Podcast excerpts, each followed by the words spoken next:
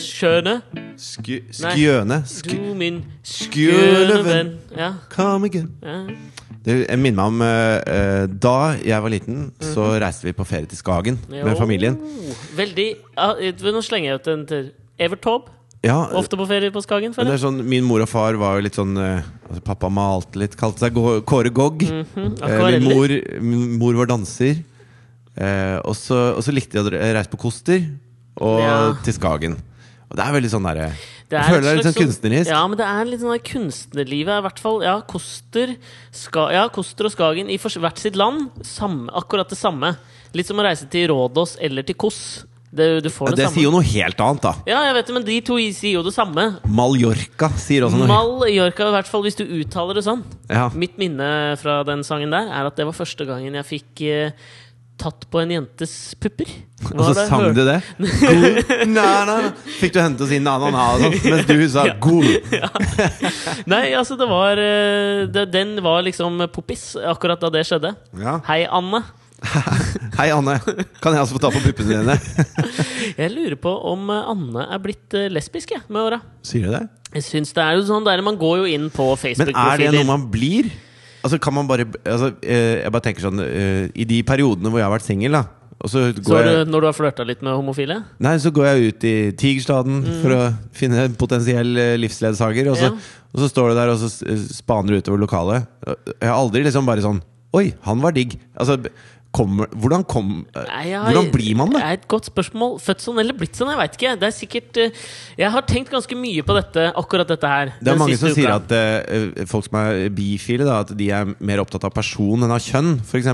Ja. Men uh, man må jo være åpen for muligheten for i det hele Altså, du vet sånn hvis, la, altså Du og jeg, da. ja.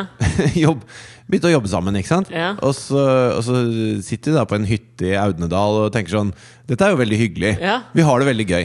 Vi, Ja. vi linker opp på mange punkter, liksom. ja. Og, og jeg lager middag Jeg husker jeg lagde carbonara den første dagen vi ja. hadde der.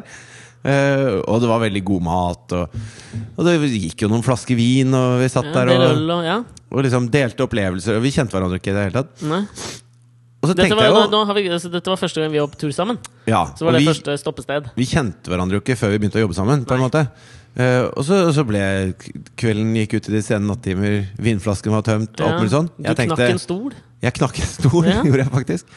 Stolen knakk nesten meg, vil jeg nesten, vil jeg ja. nesten si.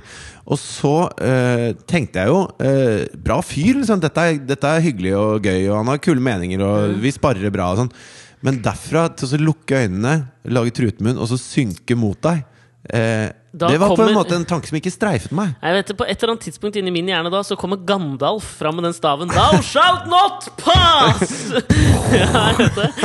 Men jeg har tenkt jævla mye på dette. Nå er jeg inne i min andre uke i pappaperm. Og jeg er jo ikke noe, jeg jo ikke noe låst person, sånn sett. Jeg, folk må være hva de vil, og gjøre hva de vil. Helt enig. Men det er bare den tanken streifer meg ikke, da. Nei, nei, men så jeg for i det hele tatt å bli, uh, bli bi, eller bli Gay. lesbisk eller homofil uh, ut av det blå Ja, Jeg- jeg, jeg jeg, tror ikke det om det kommer kan ut av det blå. ut av det blå. Nei, men jeg tror det, det er litt som at du sier at du, har, du tenner en ild når noen blir, noen blir født. da Du tenner en seksuell ild.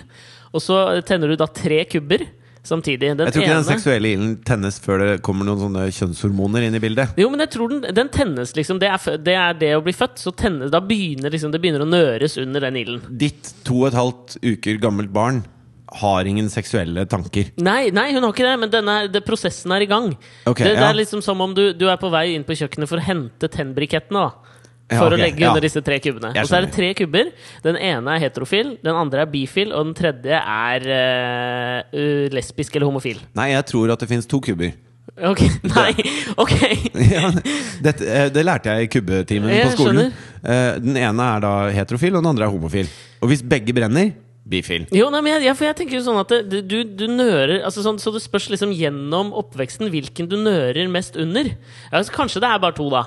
Men la oss, uh, for the sake of the argument, si at det er tre da, akkurat nå. Okay. Sånn at Hvis du nører veldig mye opp under en bifile, kanskje den får veldig mye stimuli i løpet av oppveksten, så blir du kanskje bifil. Og så plutselig så Er det foreldrene er foreldrene som gjør det, eller hvem er det? Nei, det er hele miljøet. Alt du uh, Nei, jeg tror ikke det. Det er et, jeg tror det er både arv og miljø, jeg. Jo, men akkurat som man setter en sånn skillelinje med arv og miljø, så, så må man også sette en skillelinje mellom eh, sex og kjærlighet, tenker jeg. Ja, begjær og kjærlighet. Ja, fordi at eh, sex kan jo være mer onanilignende enn elskovlignende, på en ja, måte. Ja.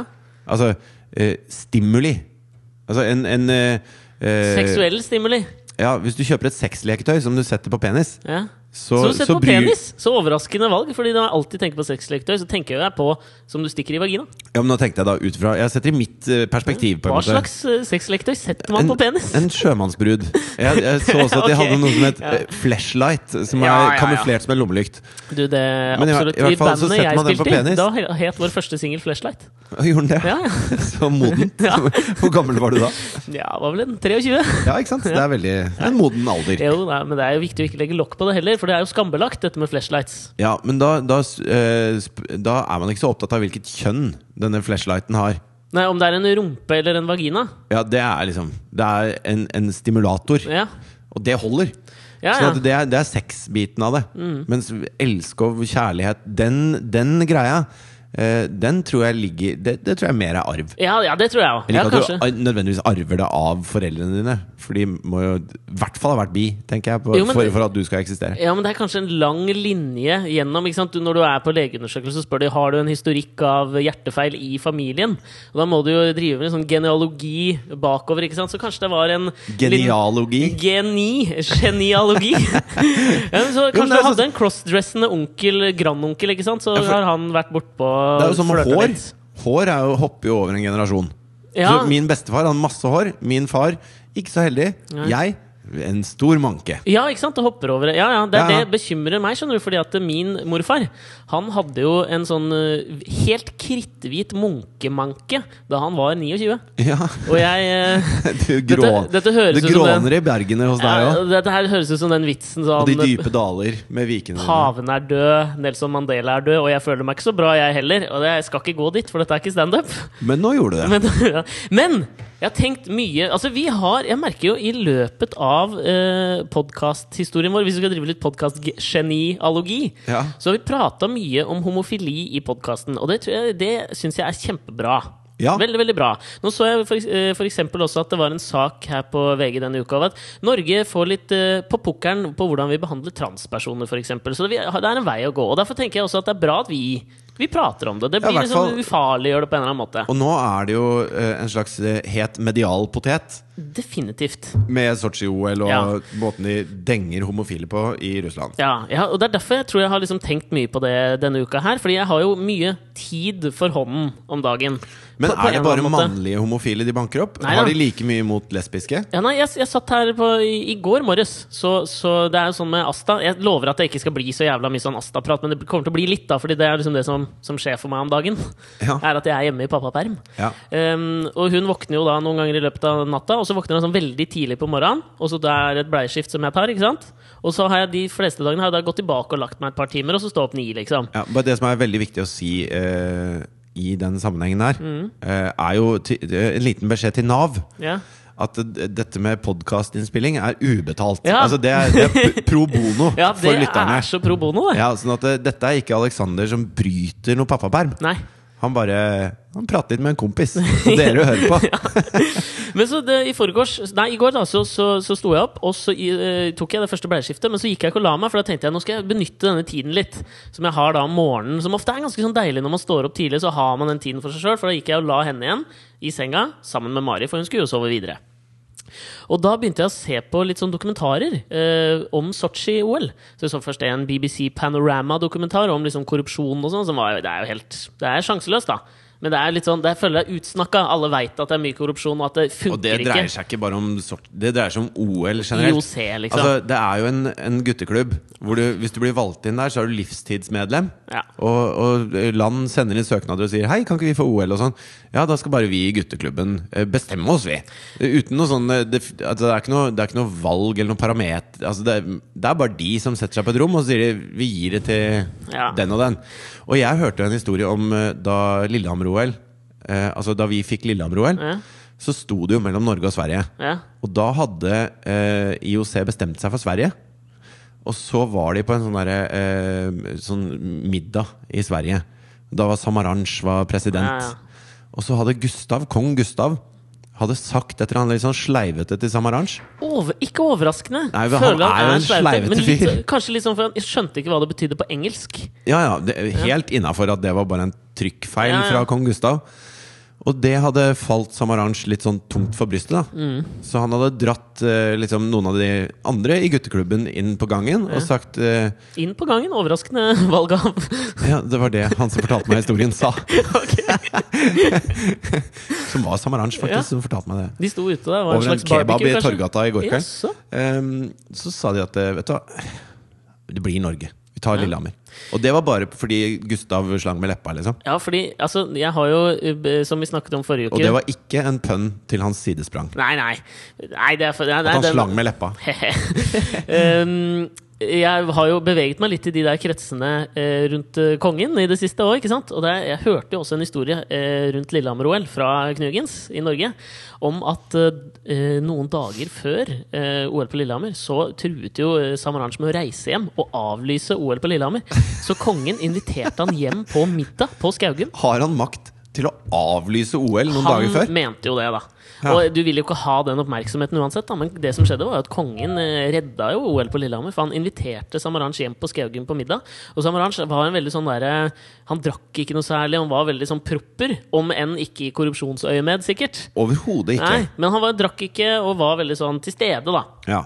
Men så hadde visst kongen eh, gitt den en god del konjakk på den middagen. Altså, det første og eneste gang han hadde sett Samaranch litt sånn full. Og han hadde ikke liksom sånn Han hadde ikke bekrefta at, eh, at han ikke skulle reise hjem. Han har vært så full at han ikke klarte å reise hjem, så da ble OL for Lillehammer. Det syns jeg er litt fint, da. ja, det er veldig fint. Fylla hjelper på en eller annen måte. Altså, al alkohol har reddet mange eh, store evenementer. Ja, ja, ja. Det, det må man si med hånda på hjertet. Ja, ja. Men jeg føler hvis du skal trekke Altså, du har IOC, som er en sånn gutteklubb med grei. Så du Gutteklubb med grei. Ja. altså, de eh, Mye rare posisjoner. med grei. Jeg sa jeg det? Jeg sa kanskje det. Men eh, du har IOC, og så har du Vatikanet, føler jeg er veldig likt. De er også Ja. sånn Ny pave. Det er samme som når de velger OL. Så det er litt sånn bare menn. Altså, ja, bare klubber med bare menn. gamle menn. Ja.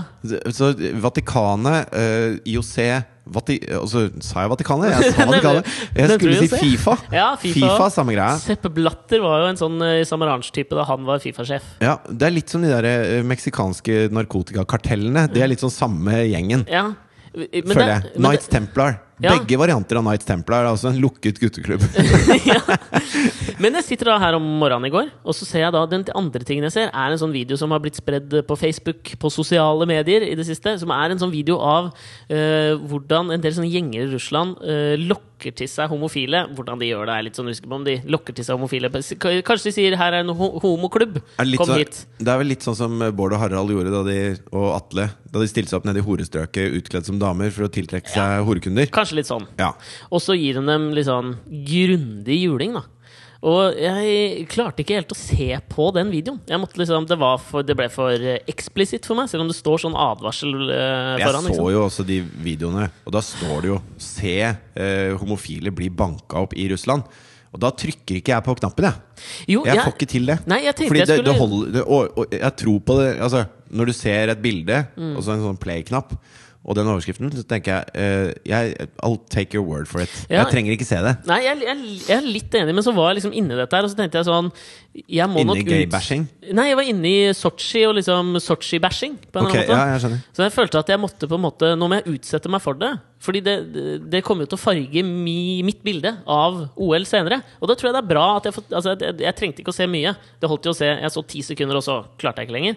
Men det satt så jævlig spor i meg, da. Sånn at jeg, jeg tror ikke jeg kommer til å liksom klare å se på OL da uten å liksom tenke på dette. Jeg har fått en sånn enorm bismak for meg, hele dette greiene som jeg i utgangspunktet hadde sett fram til OL. Tipp topp. Sykefraværet går opp med 40 for alle vil se det. Jeg kunne sikkert tatt en litt ekstra lang pappaperm for å få sett litt OL, men nå merker jeg at jeg har, det, det her det gir meg ikke noe lyst. Så, Kan jeg bare si at eh, jeg tror det er eh, Jeg tror ikke det bare har med homofile å gjøre. Eh, jeg tror det også er noe russisk over det. Fordi jeg så en sånn der liten kollasj av russiske Big Brother og andre reality-programmer. Ok. Der slåss de altså med mord i blikket hele tiden. Altså hvis, det, hvis det er en, en form for konflikt Hvis du er sånn Ja, nå er jeg uenig i at du tok den siste cornflakes-biten her. Så er det fistfight, liksom. Ja. Og, og menn limer til damer med knyttneve i trynet, og, og det er De har en annen terskel for vold, føler jeg. Ja, jeg føler Lakmustesten på det der er liksom Big Brother er én. Sånn, slåss de i reality-programmer i landene, så er de på en måte eh, gåsetegn usivilisert. Men også hvis du ser sånn eh, at de kaster vann i ansiktet på hverandre under politiske TV-sendte debatter. Føler altså sånn lakmustest på at ok, der, dere henger litt etter på en eller annen måte. Thailands demokrati, hvor folk kommer med balltre i, i. Riksdagen. Eller flashlight, som sikkert også funker like godt som et balltre, tenker jeg. Ja, ikke mens du bruker den. Nja, spørs litt hvor et balletre. stiv du er. Men, men Og så sier det veldig mye Hvis du ser da en, en bola, nedtatta, sånn typisk Paradise Hotel-deltaker, Ja. som klokker til en dame i ansiktet, hvor folk ikke reagerer ja. rundt, Ja. det, det sier mest om en kultur, da. Og nå skal ikke jeg på Altså, det at eh, folk i Russland er jo Det, det bor jo Ja da. mange, mange, mange, mange millioner mennesker Ja der. da. og folk er annerledes i forskjellige deler Altså, nå skal ikke jeg være så kategorisk. Nei, men nå faen, folk i Russland, altså. Folk, ass! Folk i Russland. Jeg har fått litt sånn meldinger fra disse Thomas og Harald har jo reist over og skal jo lage senkveld der. Oppe? Borte, Borte? oppe. Delvis oppe. Ja, for å, Nei, men uh, Sotsji er nede. Der inne, for å bruke dine ord. Sotsji er jo en, en, Ja, det er det er en slags Svartehavet. eh, Las Palmas i Russland. Ja. Det er jo en, eh, en sånn strand palmer-by, men så ligger jo Carpaccione rett bak der. Hva heter den fjellkjeden igjen? Det er ikke Carpaccio. Hva hva er den heter? Karpatene? Nei. Ja, men uansett Kaukasus. Kaukasus. Ja, det ligger bak der. Jo, Høye men fjell, de- masse snø. De sender jo litt Jeg har hørt litt da om hvordan det er der borte. Det er jo litt sånn Det er eh, generelt liksom sånn Folk er sinna, grå, lei seg. Det er mus på hotellrommet, og de er fulle, liksom. Ja. Og det er jo liksom sånn Man bygger opp under den stereotypen, og det er skummelt å generalisere. Men faen, noen ganger så må man gjøre det for å få fram et poeng. Her synes jeg det er greit. føler jeg det er viktig å generalisere for å, øh, for å få vite noe mer. Altså Hvis jeg generaliserer kraftig om Russland, så kommer noen som vet mer om Russland, til å sende en mail og si ja, men sånn og sånn også. Hans Og Wilhelm Steinfeld! og da lærer jeg noe, ikke sant? Og jeg er hypp på å lære noe. ja. Så derfor slenger jeg ut uh, fordomsfulle generaliseringer. Halvtenkte tanker. Det er jo på en måte det podkastens natur er. Det er det.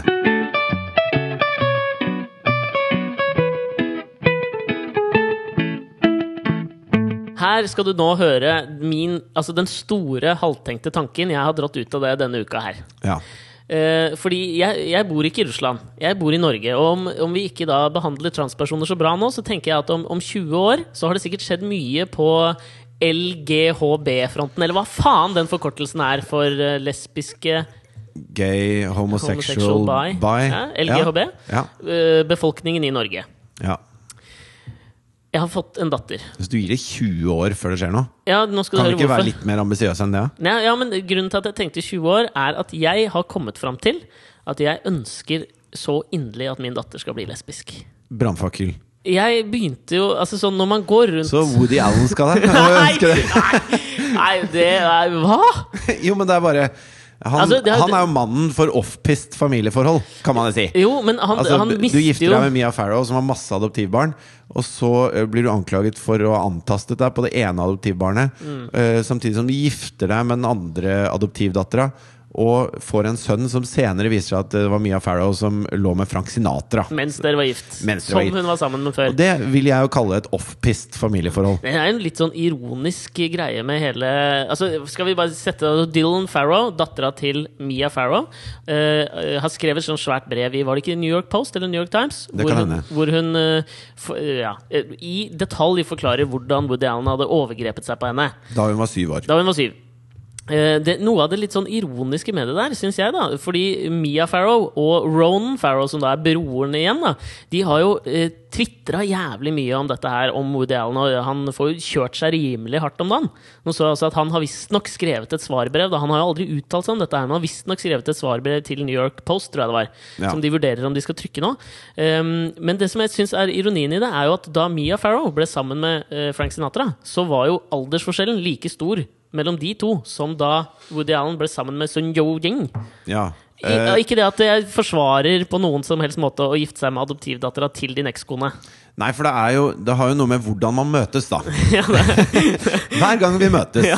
Altså, eh, Hvilken kontekst er det her? ja. Skal jeg være deg, Hvis jeg er den som gir deg ukelønn, så skal vi ikke ligge sammen. Ja. Det er liksom en uskreven regel, da. Ja, altså jeg er en veldig stor Woody Allen-fan, og så føler jeg liksom, merker jeg meg med en gang sånn tilbøyelig til å forsvare det, ettersom liksom hele øh, skilsmissesaken så kom jo hele dette opp, men han ble aldri dømt for det. Men det han, uh, dommerne sa vel at det var, han hadde hatt en grossly inappropriate behavior. Og kan man si. Det sier jo sitt om, men han har Jeg aldri, liksom, den. Han har aldri blitt dømt for å være pedofil. Men det er jo, eh, altså verdenshistorien er jo full av sånne mennesker som man Altså Hamsun er jo vår Eh, Vårt lille sånn skjær i sjøen eh, kulturskatt historisk messig. Ja, hvor alle da Alle har bokhylla full av Hamsun, og så bryter andre verdenskrig ut, og så står han der med jernkorset og bare Og skriver nekrologen til Hitler. alles, liksom. Ja. Så da, da svir jo de der bøkene litt mer. Men, men trekker det vekk fra, fra hans verker? Nei, jeg syns jo ikke det. Det var jo sånn Dylan Jeg Farrow syns det! Jeg, jeg, jeg er litt sånn uenig, jeg. Dylan Farrow åpna jo det brevet sitt med å liksom spørre Det er et sånt retorisk spørsmål hvilken, hvilken Woody Allen-film er din favoritt? Og så liksom skrev hun hele brevet sitt, og så liksom Ja, si nå hvilken eh, Woody Allen-film er din favoritt. Det, jeg, for min del så endra ikke noe. Det er fortsatt Manhattan og Annie Hall. Men, men jeg sliter litt med Altså Det er noe med avsender og mottaker. da Det er sånn Altså jeg, Da vi holdt på med Span i England, Mm. så var også da Lost Profits uh, slo igjennom litt. Ja. Uh, og jeg tenkte sånn Ja, kult band. Og vi, spilte vel eh, Jeg tror vi delte scene en gang eh, på The Mean Fiddler i London. Ok. Eh, og liksom kule folk og kult band og eh, fett og sånn. Høres ut som en scene Valkyrien Allstars burde spilt på. Ja. ja, er så morsom! Er det sånne vitser du planlegger når du sitter i ammetåka? Jeg kunne jo ikke ane, så det kommer bare. Smack! Du er en vitsemaskin. Takk. Men i hvert fall Men når det da kommer fram at han er en livsfarlig pedofil eh, pedofilt rovdyr, Ja. så hører jeg ikke mer på Lost Prophets. Nei, da syns jeg ikke det er fett lenger. Nei, det er et litt sånn hopp Da mellom kjøper Lost jeg ikke hans eh, åndsverk. Nei, jeg skjønner det, men du, det er jo et hopp mellom Lost Prophets-vokalisten og Woody Allen på en eller annen måte. Ikke hvis han forgriper seg på sin adoptivdatter i en alder av syv år på loftet.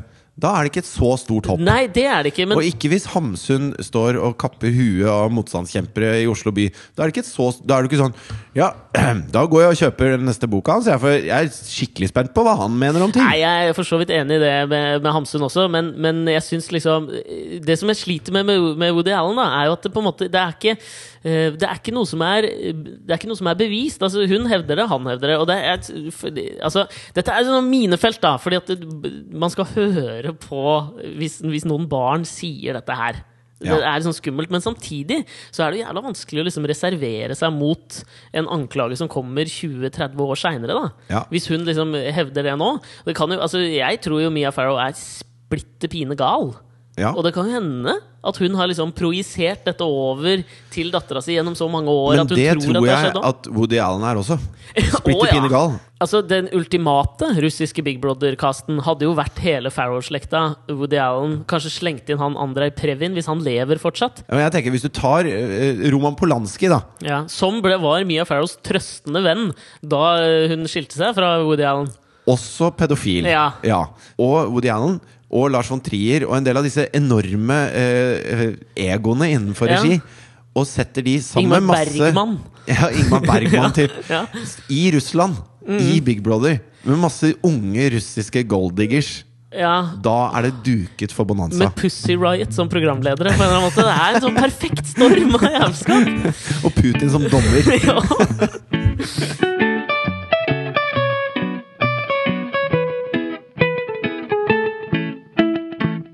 Men ja, Jeg skulle Ja, du, forklare det. datteren din skal bli lesbisk. Ja, sånn var det det var. Jeg, når, jeg, når du går rundt Når jeg liksom har fått denne datteren, så går jeg rundt og bærer på henne, og så tenker jeg liksom sånn Den uskyldsrene barndommen som, jeg, som hun eh, står for for meg nå, da. Um, så tenker jeg jo da at uh, det jeg gruer meg mest til, er når, hvis hun skal begynne å komme drassende hjem med masse sånne slubberter av noen kiser som skal drive og ha altså Dette er jo helt forferdelig, men så, skal, hun skal på, e, på et eller annet tidspunkt så må også Asta debutere seksuelt. Hun kommer sikkert til å bli mamma en gang. Jeg vil helst Jeg ville helst sett at hun aldri uh, gjorde det med en mann, og at hun bare fikk seg en jentekjæreste. og så fikk de en donor. Delte på, delte på graviditeten som frem til går. Hun ene kan være gravid, den andre kan ta noen piller så hun får melkeproduksjon. Og for meg så føles det så mye tryggere. Da slipper, da får Eller hvis hun sånn kommer hjem med en sånn eh, Kristoffer Schou-lignende, to meter høy størrelse 56 i sko. altså, så Du ser at det bare oser sex av. Altså, det er, er det Fy faen! Det er mitt Men- største mareritt! Jo, men du har noen år å modnes med det på. Jo, men jeg tror også at hun kommer til å leve lykkeligere i et lesbisk forhold. Jeg har tenkt litt på grunnene til det òg. Okay. Altså sånn, Det er mange mange fordeler, tror jeg. Så fremt vi kommer Det er derfor jeg sier 20 år, for jeg tror vi trenger 20 år på å liksom modnes til denne tanken at, de, at vi blir equals. Men hvis, eh, hvis du og Mari får et barn til, Ja. og det er en liten gutt, ja. Ønsker du da at han skal bli homofil? Sånn at han ikke blir utsatt for dette livsfarlige kvinnekjønnet? Eh, nei, det er helt annerledes. Han ville jeg helst hatt aseksuell på en eller annen måte. En eller annen En sånn Marilyn Manson-androgyn Ja, type? kanskje litt sånn, men ikke, sånn, ikke blande seg med sånn Dita von Teese-folk. Helst ikke det heller. Vet du hva, Jeg har et eh, sånn stalltips. jeg Ja. Tenk litt mindre på ditt barns seksualitet, du. Tenk mer på Ja, Altså, ikke tenk på Ikke tenk på knulling og barn.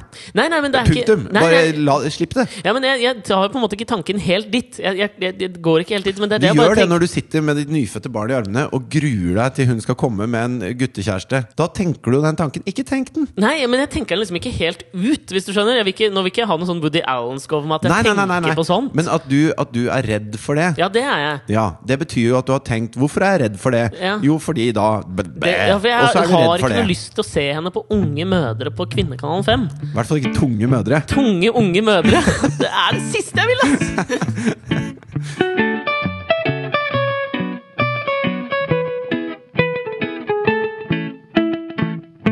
Du nevnte Marilyn Manson her. Ja, Jeg bare hørte på en podkast. Fortsatt å høre på den Brett Easton Ellis uh, samtalepodkasten. ja. Som på et eller annet nivå irriterer meg litt òg, for han prater ekstremt mye. En dualmonolog. Ja, det er litt sånn, ass. Men nå hadde eh, Marilyn Manson var gjest nummer to.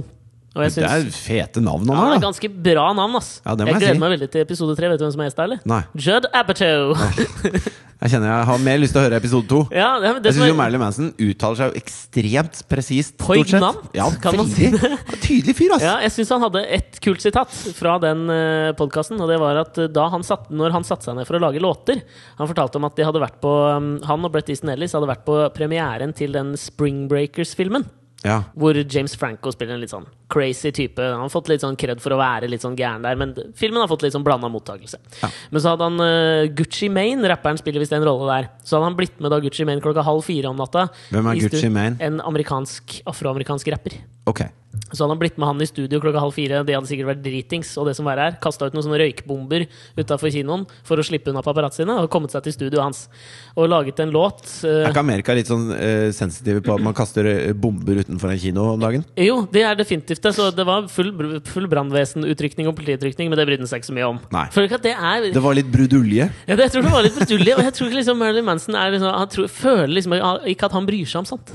Ja, nei, jeg er enig i det. Ja. Han har en sånn aura. Ja, Og så hadde de da reist til studioet hans for å spille inn en låt uh, som Gucci Mane hadde titulert 'How to Get Pussies Wet'. Hvor han følte at liksom sånn Her er Er vi inne på stor kunst. Ja, ikke sant? Men det han sa da, var at når han lagde låter Så det han tenkte på, var Altså det han begynte med, var å lage en beat. Og det viktigste når du lagde beats til låter, mente han, da var å lage en beat som ikke forvirret strippere. Det syns jeg er så jævlig bra utgangspunkt for å lage musikk. Ja.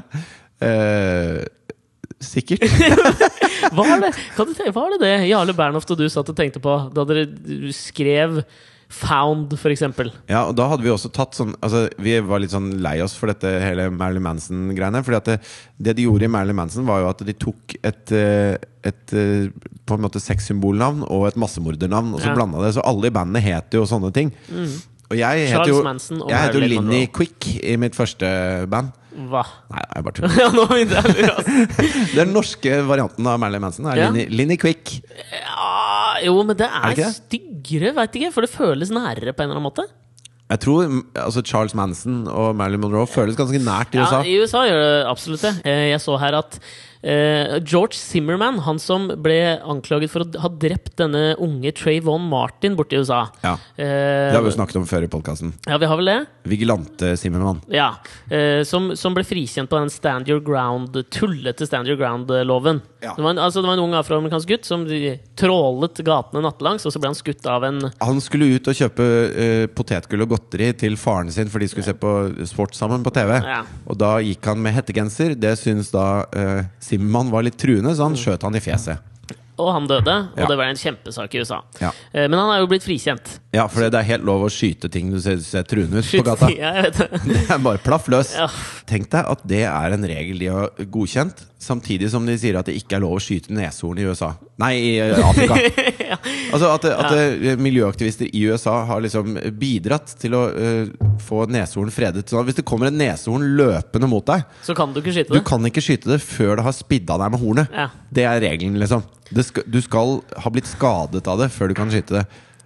Jeg, jeg syns den neshornregelen bør også gjelde Ja. i forstader i Florida. Ja, men ja, Det hadde jo vært en sånn fin sånn amendment til den loven der. At neshorn har flere rettigheter The Rhino enn Amendment. enn afroamerikanere med hettegenser, er jo helt sjukt. Ja, Men jeg syns det sjuke her nå er at det skal være en sånn celebrity boxing match Skal da arrangeres i USA nå, visstnok, mellom George Zimmerman og rapperen DMX. Han som alltid bjeffer. DMX. Har du hørt han? Skal de slåss? Ja, og det er, det er så, så mange nivåer av feilhet, da. Så jævla russisk å drive med. Ekstre, det er en eller annen sånn Big Brother eh, russisk Big Brother-vibe over det hele. Ja, ja, ja. Jeg, men jeg, jeg, har, jeg følger han DMX på Twitter. Og latt meg liksom fascinere litt av han, og det var sånn jeg kom over det. Vet, jeg har jo på, på lenge tenkt at kanskje DMX er vår tids store filosof. At han bare er litt sånn underkjent fordi han er klin gæren. Ja, jeg tror ikke det. Jeg, husker nesten ordrett en tweet han skrev her forleden. skjønner du Få høre. Som jeg føler på, på en eller annen måte er 2014-versjonen av den Schrødingers katt-lignelsen. som er jo da at hvis du setter en katt under en boks, så kan den være både død og levende samtidig. Ja. Det var ekstremt enkelt forklart, var det ikke? Jo, men Men det du må sikkert si hvorfor, på en måte. ja. Eh, det, jeg, For det er jo ikke bare eh, Hei, jeg er verdenskjent fordi dette er min idé. Ja. Nei, det var, vel, det var vel sånn at det, det skulle sendes ut en eller annen partikkel. Altså Han sa vel at eh, det kunne sendes ut en slags radioaktiv partikkel i løpet av en time. eller noe sånt nå, Og Den kunne sendes ut når som helst, og da kunne du ikke vite om denne katten inni boksen var død eller ikke død. Så den kunne ta en eller annen Var det ikke at den kunne ta en eller annen sånn superposisjon, så du ikke kunne vite før du løfta opp boksen om katten levde eller ikke levde. Så per def så kunne den være død og levende samtidig. Jeg trodde det var det at eh, Altså, hvis vi ikke sanser om katten er levende eller død, så kan vi heller ikke vite det. Ja, det har vel litt med det å gjøre. Det var vel, hvis jeg, nå beveger jeg meg ut på syltynn is! Ja, men jeg tror det handler om et eller annet øyeblikk nå, altså. Jeg tror det handler vel om et eller annet prinsipp som kvantemekanikken skulle bevise eller, eller motbevise. Her kan vi godt ta imot noen mails fra folk, ass. Men uansett, da. Ja. The gist of it er det samme som jeg mener at jeg enset da i DMX sin tweet, som jeg syns var da Jeg håper han er litt tydeligere enn Schrødinger, for her sitter vi jo tydeligvis tydelig. og ikke vet noen ting om ja, hva Schrødinger er han er så tydelig, og det han skrev da, var da og han Utover skri- at Schrødinger fikk et eget program på NRK, da. Ja, ja. ja. Ervin, het den, eller? Ervin Schrødinger? ja, Det vet jeg ikke. Ja, for så vidt et fint navn. Ervin? Ja. Det DMX Det burde du skrev kalle din eh, LGHB-sønn. Ja, jeg vet det. Da blir du Det er litt sånn homofilt navn. det DMX skrev, var Yo, what even happens inside a dishwasher when it's running? Og der syns jeg han treffer bare Han treffer noe innpå Det var katter før, nå er det liksom det, tekno, det teknologiske samfunnet. Hva skjer inni vaskemaskinen? Ingen som vet! Før du åpner. Og med, med en gang du åpner, så stopper vaskemaskinen å gjøre det. Ja. Problemet nå er at du har vel GoPros etc. som du kan sette inn. Du kan vaske en GoPro. ja. Ja, Det er mørkt der inne, da. Det er jo på, på en måte døden. Da må du ha en flashlight også, sånn at du ser noe.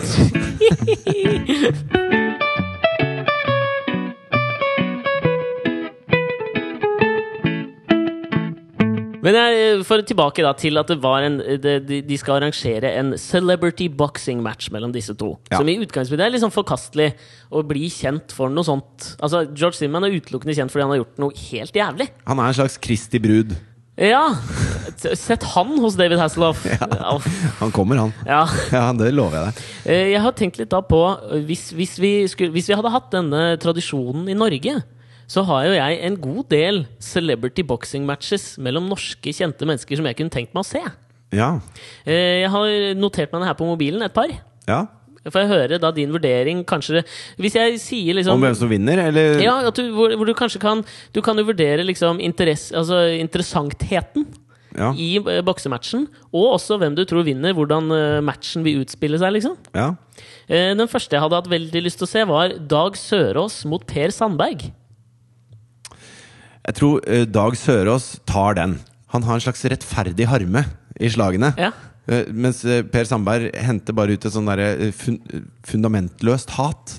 Så Ja. tror jeg Dag Sørås har en tyngde i slagene, både mental tyngde og kroppslig tyngde, Ja. som Per Sandberg ikke kan matche. Føler- Knockout i første runde. Jeg tror du det? Jeg Ja. hadde nemlig en tanke om at Per Sandberg var litt sånn derre Men Per Sandberg har slåss før. Ja! Og det har tror jeg ikke før. Dag har gjort. For Dag er ikke en sånn Selv om han ser litt sånn hard ut, så er han virkelig ikke en Han er en kosebamse. Ja, og det er derfor jeg tenker også at Per Sandberg kanskje er litt av den typen som Hvis det hadde vært Evander Holyfield og Mike Tyson, så hadde Per Sandberg vært Mike Tyson. Han hadde bitt i øret. Han, jeg føler han er, tar litt sånn sneaky eh, Ja, sneaky moves. Ja, han gjør det. Men ok, Dag Søres, hvordan tror du, liksom, tror du det hadde liksom generert litt offentlig interesse? Billettsalget hadde vært bra på den matchen? Jeg føler at det trekker eh, oppmerksomheten vekk fra sakens kjerne. Ja, ok, jeg skjønner. Ok, Men da, skal du, da har jeg, jeg har flere. Ja. Jeg hadde kunne godt tenkt meg å sett Harald Eia mot Christian Valen. Oi, det er spennende. En humor-deathmatch. Ja, for jeg føler jo på hatet mellom de to. Jeg føler at de står i to forskjellige leire. Ja. Og at det er et sånt at det nører Hvis vi går tilbake til de der kubbene som nører under det lesbiske homofile, så føler jeg at det er en slags humornøring mellom de to. Så for, totalt forskjellige ting. ja, det er ytterpunktene. Ja, og så Harald og så har de en like stor populær following, tror jeg. Jeg tror Ja, ja. nesten Kristian Valen har flere followers. Ja, det tror jeg Flere, større heiagjeng. Men så har liksom Harald Eia mer den riktige followers Altså sånn, eh, Christian Valens eh, fans hadde vunnet kampen på tribunen. Hvis du skjønner hva jeg mener? Lett, lett. Men jeg tror, jeg tror Harald Eia hadde tatt den matchen. Ja, jeg tviler litt på det. Hva? Kristian Valen Kristian Valen Tenk deg å har slå han, da, og så treffer du den solariumsbrune huden, og så bare sprekker alt. Det Sprekker at du bare du får sånn psoriasis Og ut kommer sånn vaniljesaus. Ja, det er ganske Jeg lurer på hva som kommer ut av det, Christian er, Valen. det er gulrotsaft. Sånn Ja, karotenjuice. det er, uff. Ok, den siste, det er og, Men det føler jeg også er en veldig sånn knockout-match, men jeg hadde hatt lyst til å se den. Det er da han Markus Foss, den nye typen til Tone, mot Aksel Hennie. Er det ikke. Markus, er ikke Markus Foss han heter, da? jo, Mar. Markus er ganske ripped, hvis det er det det heter. Ja, Men Aksel tror jeg har igjen mer eh, punch i slaget. Jeg tror han har gått i sånn kamptrening i for, forbindelse med Hercules og de filmene han har vært med ja, så føler jeg at han er litt mer sånn gatesmart. Han slåss litt sånn gatestil. Ja, sånn sparke i kneskåla-type. Jeg tror definitivt det. Ja. Jeg tror de, Der ville jeg heller nok sett en sånn der Ultimate Fighting. At det Så var sånn Aksel, bur. Aksel har et sånt hode som er skapt for å nikke. Headbutt-hode. Ja, han har ordentlig nikkehue. Ja, Og så føler jeg også at han Markus Jeg tenker jo at han bruker sminke. Ja, og kroppen til Aksel har slutta å produsere hår på toppen for at hodet skal bli hardere å nikke med. For at håret ikke skal ta av for nikket. Ja, men Det er jeg helt sikker på. Det er, det er arv. Ja, At han er nærmere huleboerne. Han Ja. er definitivt nærmere huleboerne enn Markus det. Foss. Jeg har uh, lest noe gøy her. Okay. Uh, I et vitenskapelig tidsskrift som jeg leser. Uh, det er Vil du er reklamere for det, eller? Nei, ok, det var på nyhetene. Jeg husker du, hvor du det. skaper ditt eget narrativ her. er Og når du spurte, så måtte jeg tenke etter, og da var det på ja, nyhetene. ja, ja, men det er greit, det. Men- det er på et eller annet nivå et vitenskapelig tidsskrift. Ja. Ja, Vi snakker jo mye om uh, altså, uh, rasisme og sånn har vi hatt uh, oppe i podkasten. Fred og Ja, krig og fred-politikk og rasisme. Vi er veldig mot rasisme, vi da. Ja. Eh, og og det, det går jo på at eh, vi kan egentlig ikke dele inn menneskeheten i raser, for vi er en rase som heter Homo sapiens. Mhm. Og stammer fra Lucy i Afrika. Det er rart Men- når du ser på Aksel Hennie og Markus Foss, Ja, at de to ja, kommer Men fra det er det når du ser en ulv og en chihuahua. også. de er samme rase. Det er sant. Men uansett, da. Så når mennesker eh, begynte å utvandre fra Afrika og vandret nordover, så møtte de jo faktisk en annen rase av mennesker, Ja. som var neandertalere. Og det de har funnet ut nå, er at eh, de som utvandret fra Afrika, de eh, crossbreedet Mm. med disse. Og det, og det er ganske fjernt fra Altså, det er ganske fjernt fra uh, vår egen rase. Altså, det er litt som når en hund har sex med en katt, på en måte. Altså, Mhm. Det er to helt forskjellige dyr, da. Ja. Så, så de Homo sapiens som utvandret, de Kentaur, på en eller annen måte. Ja, litt kentaur, ja. De blandet seg med neandertalere. Ja. Eh, så vi alle vi som ikke er afrikanere, har altså gener fra neandertalerne. Og det, eh, for det er bare 80 000 år siden, så det ser kroppen vår på som fremmedlegemer. Og det er grobunnen for en hel del sykdommer som vi har, bl.a. sånn lupus og sånne autoimmune sykdommer. Og lupus, den alltid sykdommen de finner i TV-serien House. Og så Yes. er det aldri lupus. It's never Let's check for lupus. Men eh, og også depresjoner, og det er en del ting som, som ligger igjen fra de neandertalergenene som vi knulla oss til for 80 000 år. Depresjoner? Ja, fordi at det, eh, ikke jeg, Hjernene er veldig annerledes på disse to eh, Ja. artene, ikke sant? Og derfor og Det, det så syns jeg er så jævlig gøy. Møtet der uh, kan sørge for en, en psykisk sykdom. Ja, fordi altså, altså Alt som skjer inni huet, er jo fysisk. Mm. Altså Vi har et sånt skille på fysisk og psykisk som er veldig rart, fordi at det er veldig fysisk, det som skjer oppi knotten vår. Ja. Uh, men så det er en hel rekke sykdommer da som man kan tilskrive det at vi faktisk har neandertalergener. At vi er muldyr. da Vi er utvanna. Vi, er ikke- vi er ikke en ren rase. De eneste som er en ren menneskerase, er afrikanere. ja. Og det syns jeg er morsomt med hele Nazi-Tyskland og hele den rasismegreia som foregår. Hæ? At vi ser på den ariske rasen som så ren og pen. Mens vi har drevet og hatt oss med, med andre dyr. Ja, men det er, jeg det, er, det er jævla fascinerende. Det er jo det. Og det er, det er litt sånn den samme debatten uh, som går i USA om dagen, syns jeg. Ikke at skal, jeg skal ikke trekke noen linje mellom at folk som tror på Gud, nødvendigvis er rasister. Men jeg har sett, det var en sånn svær sak i USA nå om Bill Nye, som er en vitenskapsmann, en evolusjonist, Ja. som stilte opp på en debatt mot Ken Ham, som er en ganske sånn kjent eh, Hva heter vel? Kreas Kreasjonist. Kreasjonist. ja. Ja.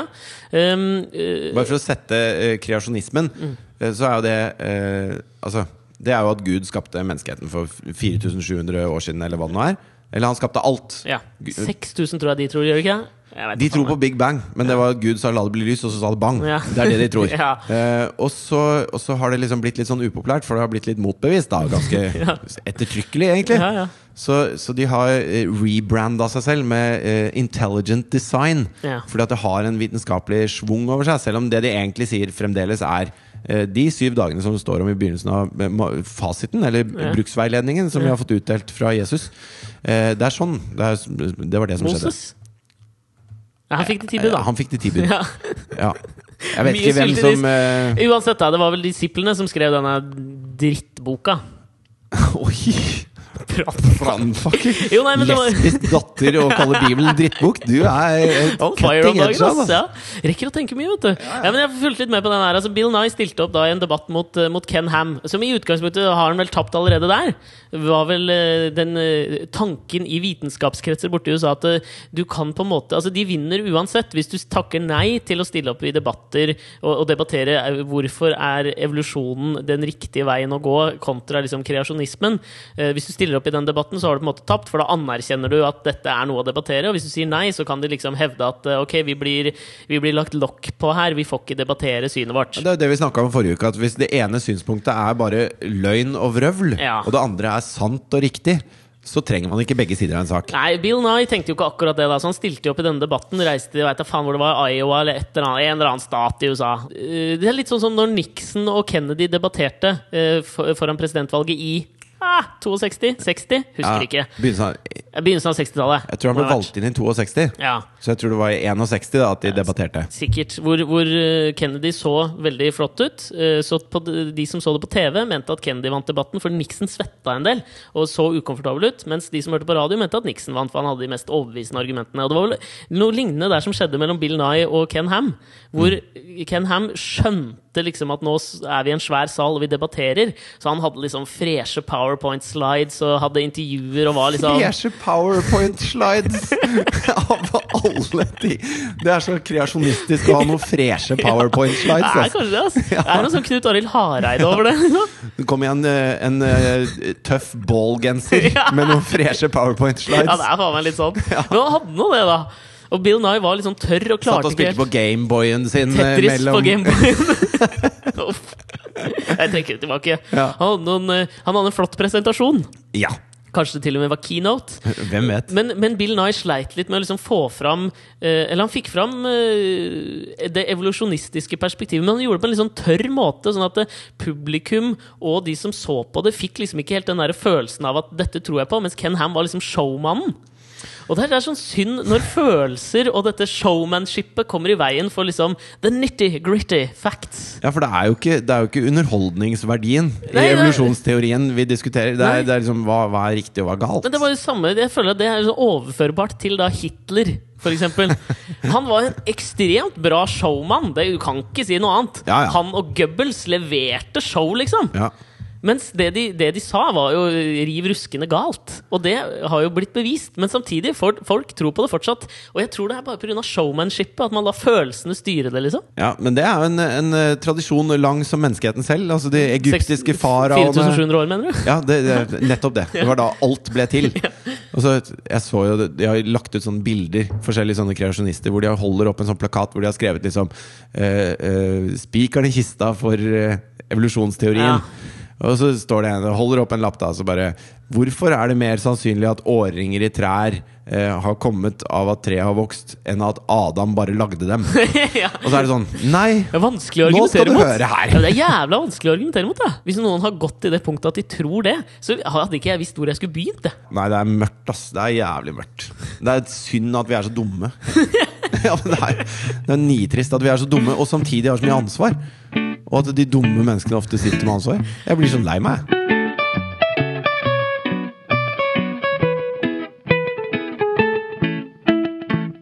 Jeg, jeg syns det er interessant at man skal høre begge sider av en sak, så Ja. lenge de har noe å komme med. Og, og jeg innser jo at det, i vår podkast, så politisk er vi litt ensidige.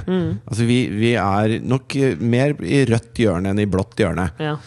Men han Mimir Kristiansson ja. kommer med et forslag i forrige uke. Mimir Kristiansson, tidligere Rødt-leder, nå er vel en slags spaltist. Ja, politisk kommentator. eh, Var vel redaktør i skribent. Klassekampen i en sommer her forleden. Ja. Altså Det han er kjent som, er jo leder i Rødt, og en, en politisk figur. Og han starta vel i Arbeiderpartiet Ungdom, eller et eller annet sånt, og så gikk over til Rødt. Usikker. Gitt ut noen bøker om hvordan rike folk suger. Ja, men i hvert fall Han har da kommet med et forslag om at eh, istedenfor å forby tigging, så bør vi forby eh, at eh, man kan gi til tiggere. Ja.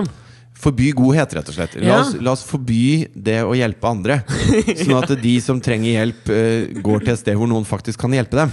Ja, og det er jo litt sånn, nå skal jeg være forsiktig, fordi som sagt, podkast er medie for halvtenkte tanker. Det er det jeg føler at kanskje ikke uh, Mimir Kristiansson kan, kan tillate seg i det offentlige ordskiftet sånn i den stillingen han har. Og fordi det der føler jeg er en sånn halvtenkt tanke. Litt sånn to timer før Jo, det deadline. er, Fuck, det jeg er må jo en, skrive. faen meg en lang artikkel om det. Det er jo noe han, han har liksom researcha dette her. Jo, men jeg føler Og så at det er og så sånn føler jeg sånn uh, da, da hopper han med en gang over i en helt annen bås for meg. Og Ja. Nå skal ikke jeg komme og si at alle på den røde sida er så bra, og alle på den blå sida er så dumme. For Mimir Kristiansson, du er et væskende jævla sår på samfunnet. Og du har kommet med mye bra, men fytti helvete for noe vrøvl du lirer av deg nå. ass. Jeg blir så sur, jeg. Ja, skal man forby at man kan gi til noen man føler trenger det? Nei! Hva, hva er det han tenker med, da? Og han sammenligner det med horekunder. Sånn, ja, at Hvis horekundene slutter å kjøpe sex fra horer, eh, så blir vi kvitt eh, ho horeproblemet. Ja. Eh, men, men du kan ikke dra det dit, liksom. Det blir helt feil, da! Ja, det er en så fascinerende tanke at man, eh, man går til det skrittet. Det er jo det samme som Og så skal du håndheve det. Hvis jeg gir en tier til han utafor Kiwi, så bare Hei! Stopp her. ta den tieren tilbake! Kom her, du 24 timer på glattcelle. Ja, det er det samme som altså, Heroin er også forbudt. Men det fins en del heroinister. Og man må, man må behandle de ordentlig. Man må behandle det som en sykdom, ikke som at de gjør det for å bryte loven. Altså, De gjør det ikke på pur faenskap. De gjør det fordi de er syke, og de trenger hjelp. jeg liker at det, det har blitt en slags eh, brannfaklenes podkast. Ja, det har det. Og skal jeg fortelle deg faen ja, Karma-politiet kom og slo tilbake på Løkka her om dagen. Altså. Ok. Du, uh, Utafor Kiwi, da. Så. Ja, Vi har prata litt om disse tiggerne utenfor. Kiwi. Geografisk begrenser vi oss til et veldig lite område. Ja, Da sitter en dame der i to år. Og Romfolkdama, eller? Romfolkdame. Uh, veldig blid, veldig hyggelig. Jeg har kjøpt litt uh, mat til henne, gitt henne litt penger. Ga henne julegave. Du ga henne masse klær? som-? Ja, Som ikke passa til Katrine og sånn. Ja. Eh, For hvis det hadde passa til Katrine, så hadde ikke hun fått det. Råflott med naknegenser i Ja, ja, veldig. Men uansett, plutselig var hun vekk. Og, og alle de som pleide å henge sammen med henne i, på Ryes plass, er altså vekk. Og nå har jeg funnet ut hvorfor. Oi! Fordi eh, på Narvesen-kiosken mellom Ica og McDonald's oppe i Torvald Meyers gate, Ja. så kjøpte han ene romduden et flakslodd og vant en jævla million. Nei, du kødder! Det er så pent! Du kødder! Nei, det er sant! Hvordan fant du Så dette? nå har de flytta. Nå har de det bra. Å, fy Det er karma som kommer tilbake, ass. Ja, det der er, faen, det er poetic justice på en eller annen måte. Ja, det er Dag Sørås som gruser Per Sandberg i ringen. Ja, det er noe DMX kunne laga en låt sammen med Marilyn Manson om. En beat som ligger under, som får strippere til å gå bananas. Ja, det er en klem på russisk Big Brother, det der, ass. Det er faen meg så vakkert.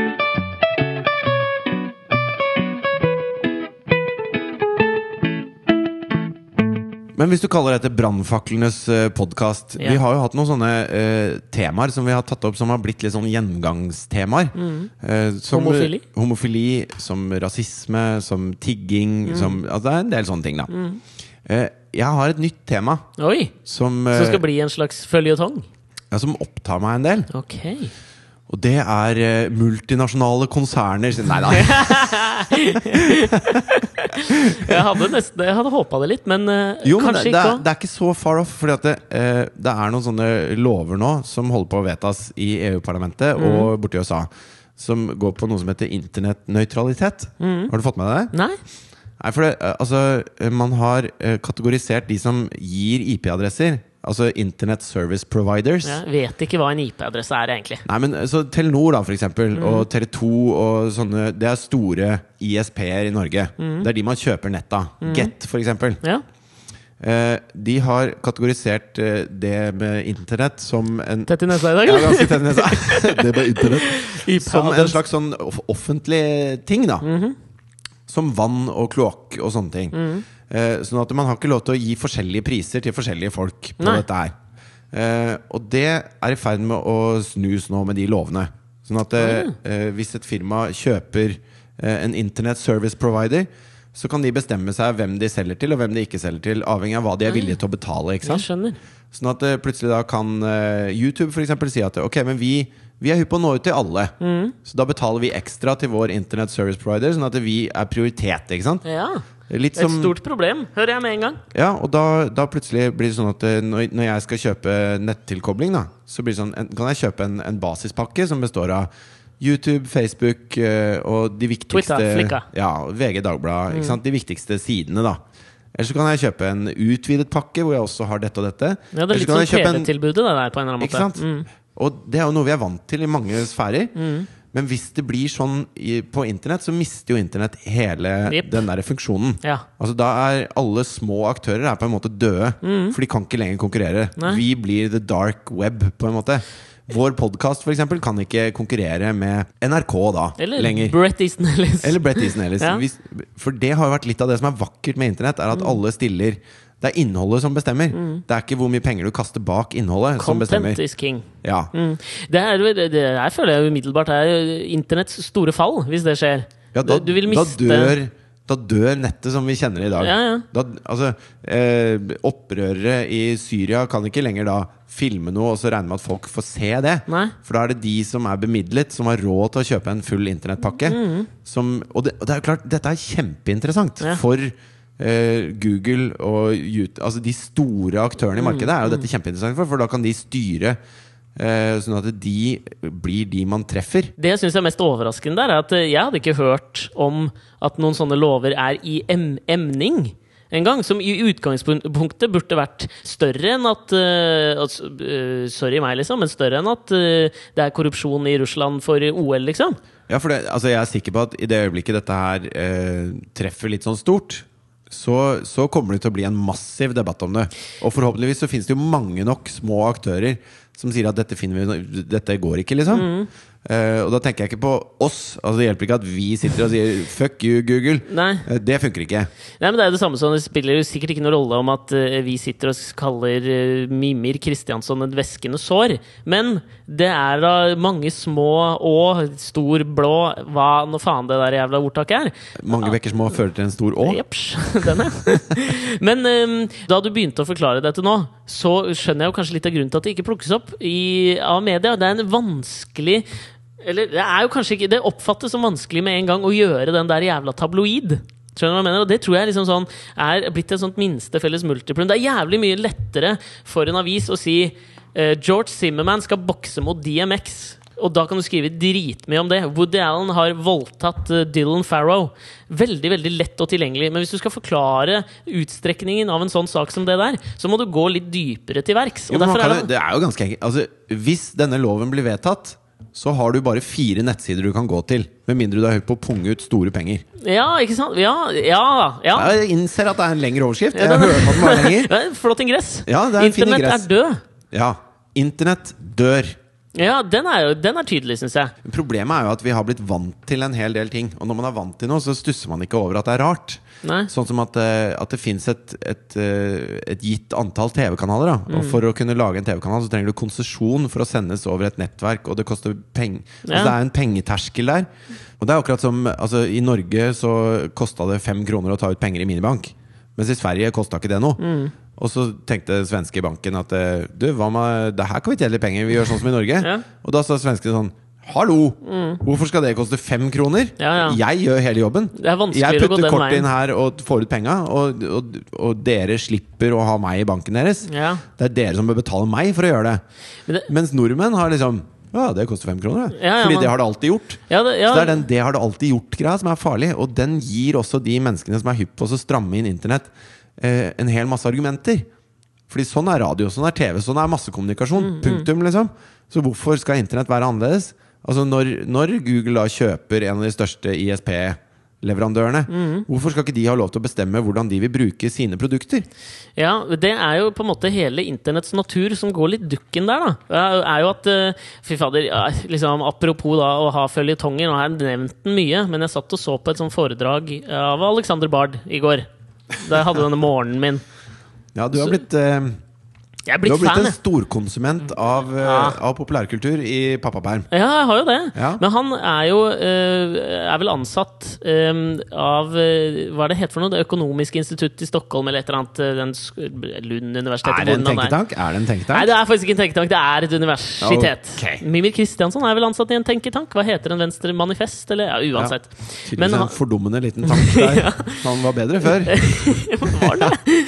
Men han er vel en, kaller seg vel en internettsosiolog, eh, Alexander Barth. Han hadde et, jeg så et sånt, en time og 30 minutters foredrag som han hadde om hvordan internett har på en måte endret um, måten eh, Startups var det han Det var sånne startups-firmaer som han snakket til der, da. Ja. Som dette her vil jo, he, altså det vil jo uh, nappe teppet under beina deres hvis dette skjer. Mm. Som jo er et stort problem, for internett har vel stått for på en måte en eller annen slags form for demokratisering av informasjon og kunnskap, da, på en eller annen måte. Ja, men samtidig sånn- så har du hatt altså med, med Apple, da, måten de har eh, konstruert AppStore på. Mm. At Apple skal godkjenne, og Apple skal ha penger for. Og Apple skal liksom Apple styrer 100% hvem som får lov til å selge ting på AppStore. Mm.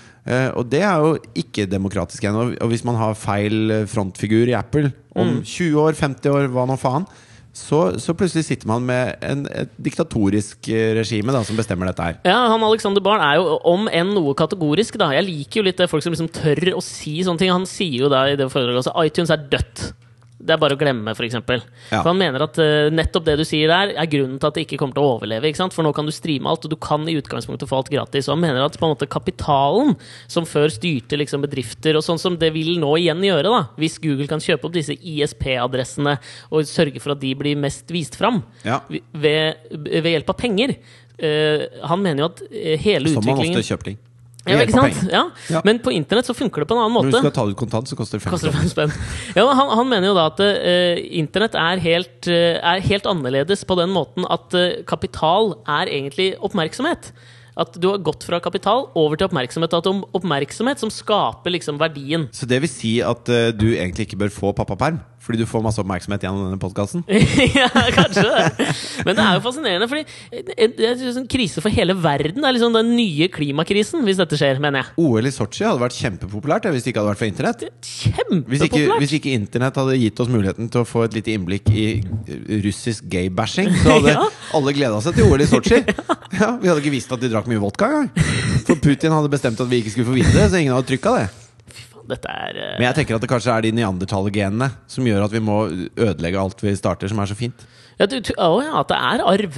Det er arv, ja. At vi bærer i oss kimen til vår egen undergang. ja. Nå skal jeg på helsestasjonen med Asta for første gang. Ja. Lover dere en oppdatering neste uke på hvor fantastisk flott det er. Ja, Det blir dritspennende. Vi gleder oss uh, sanseløst til oppdatering fra helsestasjonen. Tusen hjertelig takk. Og da er vel pappapermen over på en eller annen måte neste podkast òg, så da kan jeg ikke love at jeg kommer med alle disse innsiktsfulle, nydelige betraktningene.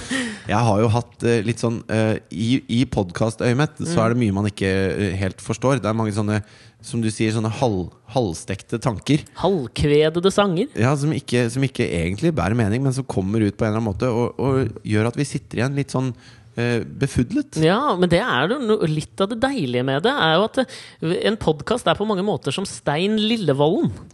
En halvstudert liten røver.